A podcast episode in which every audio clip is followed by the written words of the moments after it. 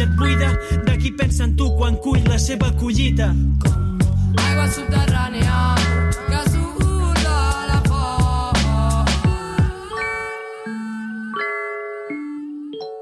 Escoltàveu a l'Ide Sans, ara muntanya, el seu crit cap a la muntanya i cap a la recuperació de la vida, també humana, amb una zona on, on realment la vida darrerament ha estat i continua sent molt difícil, no tan sols per part de l'agricultura i la ramaderia, sobretot en aquell lloc, sinó també per les persones que hi han de viure i pels éssers que hi conviuen. Ara, tornant un altre cop cap aquí i cap al mar, anem a conèixer per què hi ha tot un col·lectiu de persones i d'entitats que diuen no a la Copa Amèrica. Però sobretot què és la Copa Amèrica i per què s'ha de celebrar aquí a casa nostra del 22 d'agost al 20 d'octubre una eh, celebració en la que no es participarà directament eh, en competició des d'aquí, però que reunirà a un bon munt d'entitats que treballen dins del món de la vela i que fan esport de vela. Per saber per què no a la Copa Amèrica tenim amb nosaltres a Daniel Pardo, a l'altra banda del telèfon. Hola, Daniel. Hola, bon dia. Bon dia, benvingut. Daniel, per què hem de dir no a la Copa Amèrica de vela? Bueno, en realitat hi ha tot un seguit de, de motius eh, diferents que són bastant comuns a tota organització d'aquests grans uh, megaesdeveniments. Eh, o sigui, efectivament, són més d'un centenar d'entitats de, um, de Barcelona i de Catalunya oposant-nos a la celebració d'aquesta competició eh, per diversos motius. Uh, pels impactes tant socials com ambientals que tindrà, uh, podem esmentar d'entrada uh, tot, o sigui, la, la massificació turística que, que afegirà a una ciutat ja uh, sobresaturada d'activitat turística, uh -huh. però podem parlar també de, de l'impacte que té quan el, quan el lloguer d'habitatges... Sí, aquest punt en concret, eh, ampliant-lo en tu, després parlarem de qüestions uh -huh. més ambientals amb el Marc, eh, ja, sí. ja s'està dient que s'està està pujant els preus dels lloguers de la ciutat. Clar, aquí, o sigui, el, el problema és que estem parlant ja, o sigui, que és molt difícil quantificar aquesta correlació. El que és evident és que existeix una, una correlació. Aquesta competició ja s'ha celebrat a moltes altres ciutats i allà per on passa pues, deixa una, una traça d'especulació uh -huh. important.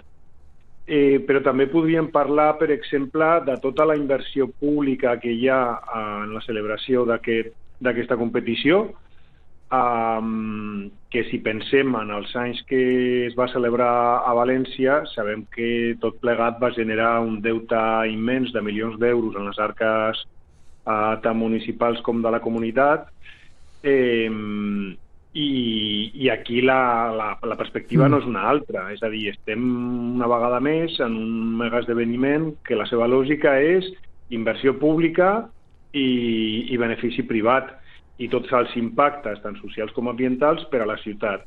Sí, perquè dèiem eh... que Barcelona eh, o Catalunya eh, no, no participa directament com a, a la Copa d'Amèrica de Vela, no? No hi ha representants. No, no, no, no, no, no, no hi té res a veure, és que no va d'això, no és una qüestió esportiva, és una qüestió d'especulació, és una qüestió uh -huh. de grans esdeveniments, vull dir, es pot uh, assemblar més en un moment donat al Primavera Sound, eh, que no passa una competició de vela, quan a lògiques d'extracció de, de beneficis eh, del nostre territori.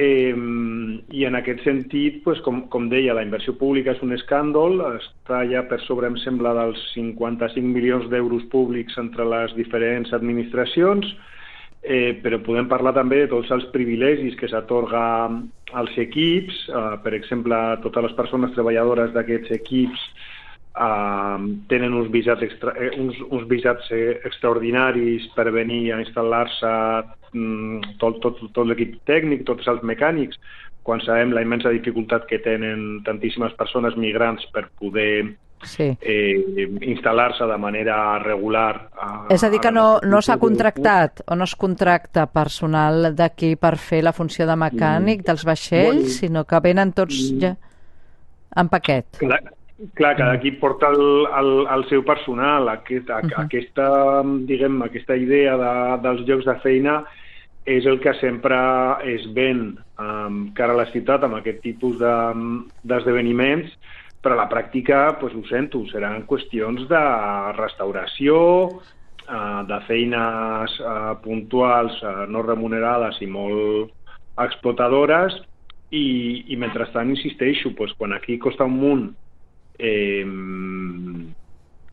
per algú que ve de, de Sí. fora poder, poder regularitzar la seva situació, s'estan atorgant eh, pues, privilegis en aquest sentit quan a, quan a estrangeria. Alguns dels participants dieu que ja han comprat pisos per establir-s'hi com a segona residència o tercera residència. Sí, clar, eh, i això té un impacte més fort especialment al, als barris del litoral perquè...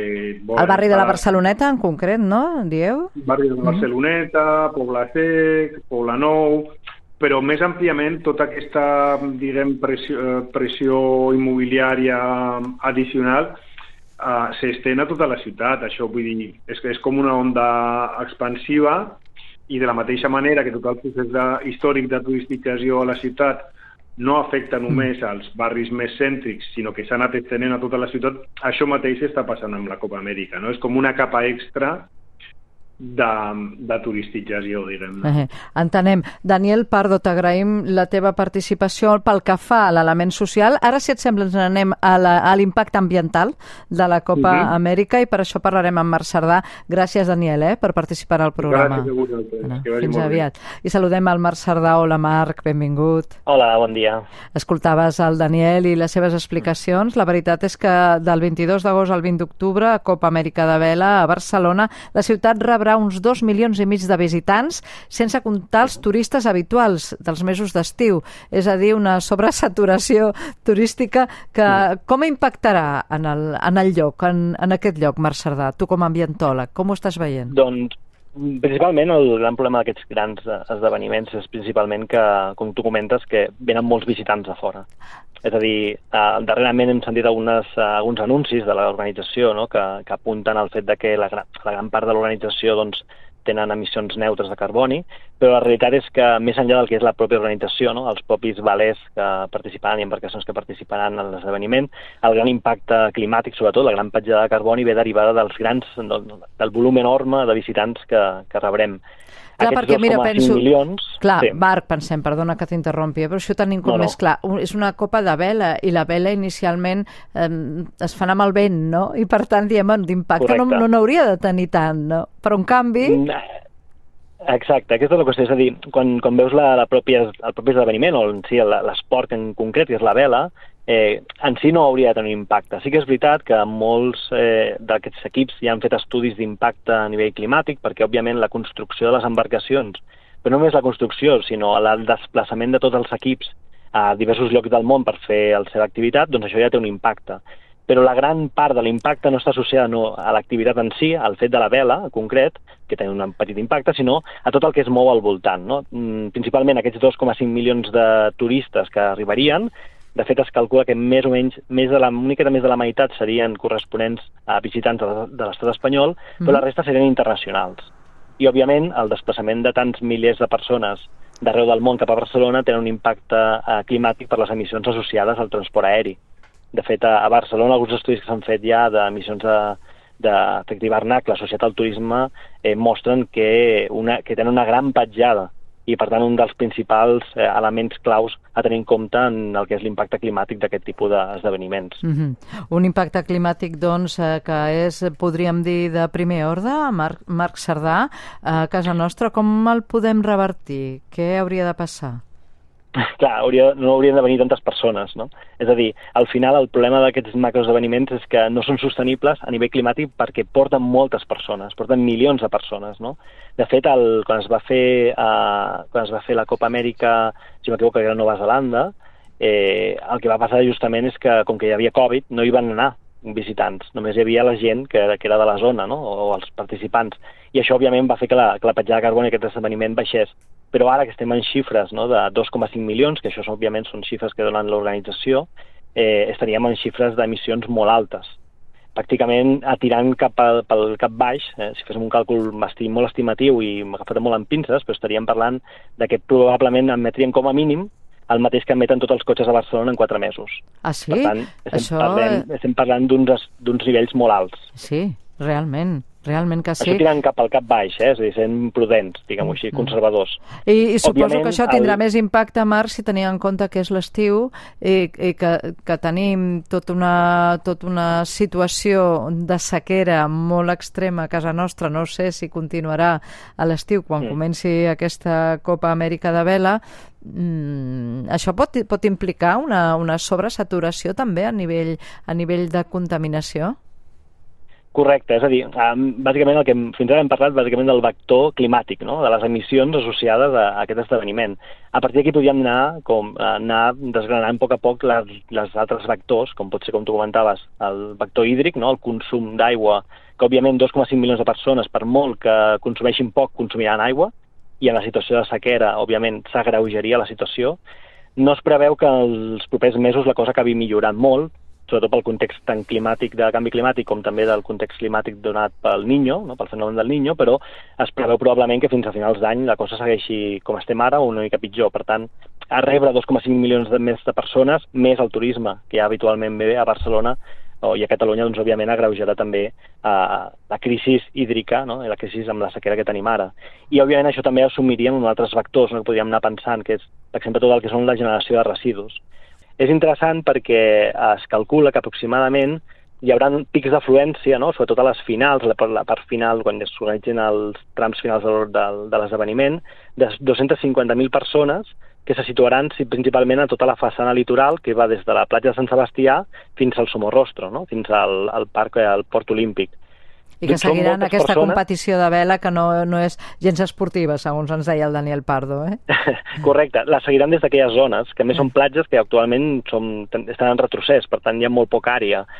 Són moltes persones, generarà molts residus i, òbviament, pot incrementar potencialment encara més la, la contaminació el que és en zones litorals, amb, en una Barcelona que ja, per de per si, ja està molt contaminada a nivell de microplàstics i de plàstics. Exacte, i so, són zones pel gaudí ciutadà, per l'esplaiament ciutadà, en, en època de pressió, sobretot a l'estiu, eh, és molt necessari un bany d'aigua, almenys en la nostra Mediterrània, després de Correcte. treballar. Correcte, i, i estaran saturades. És a dir, Mm. inclús serà molt difícil accedir pel ciutadà, ja no només pel turista que ve habitualment, que ja s'atura també les platges, sinó que a més doncs, eh, el ciutadà tenen més dificultats per poder accedir a la platja i això òbviament agreuja doncs, eh, tot el que és la pressió andro, antropogènica d'aquests aquests espais, no? especialment pel que et deia, no? residus, també contaminació acústica, contaminació atmosfèrica i per, i per acabar amb qüestions de residus també hem de tenir en compte que una gran part dels visitants que seguiran la Copa Amèrica ho faran des del mar, per tant des d'embarcacions. I aquestes embarcacions actualment ja estan, a, ja estan arribant. No només eh, estan arribant, sinó que s'estan llogant, s'estan comprant embarcacions arreu dels ports del Principat per poder seguir la Copa Amèrica des del mar. I això, òbviament, doncs, com tu comentaves, també agreuja també la contaminació atmosfèrica, perquè les embarcacions contaminen molt, i alhora també, òbviament, tots els impactes associats als ecosistemes marins litorals. Doncs la veritat és que aquest és el panorama. Nosaltres hem volgut, mitjançant les veus de Daniel Pardo des del punt social i de Marc Cerdà des del punt ambiental, explicar-vos per què eh, s'està dient no a la Copa Amèrica. I t'agraïm molt, Marc, que ho hagis fet davant dels Moltes micròfons. gràcies. Fins Moltes una gràcies. altra. Adéu-siau. Que vagi bé.